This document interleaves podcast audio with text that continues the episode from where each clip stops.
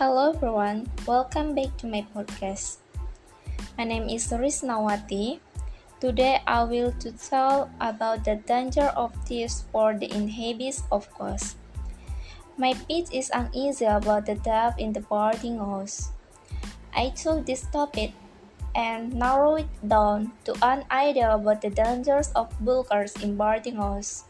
I've noticed lately that the accounts of the room often talk about the death of scalpons in room 13. They are afraid of the incident happening again, so they are afraid to leave important items such as laptops, cell phones, wallets in their room when they want to go out.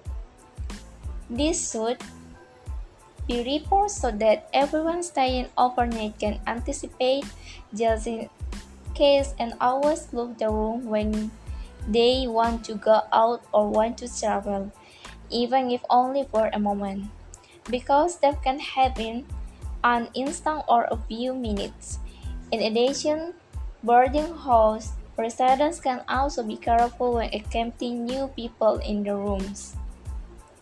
My target audience is all people or rather students who are migrating or living in boarding house but also everyone who live in areas prone to death. For source, I will interview the occupants of the room who can talk about the death case that occurred in room 13 or ace witness. Someone who can handle case of death or boarding house owner, authorities person. And finally, handyman who is an expert in looking so that he can deduce how the door can be opened by breaking into.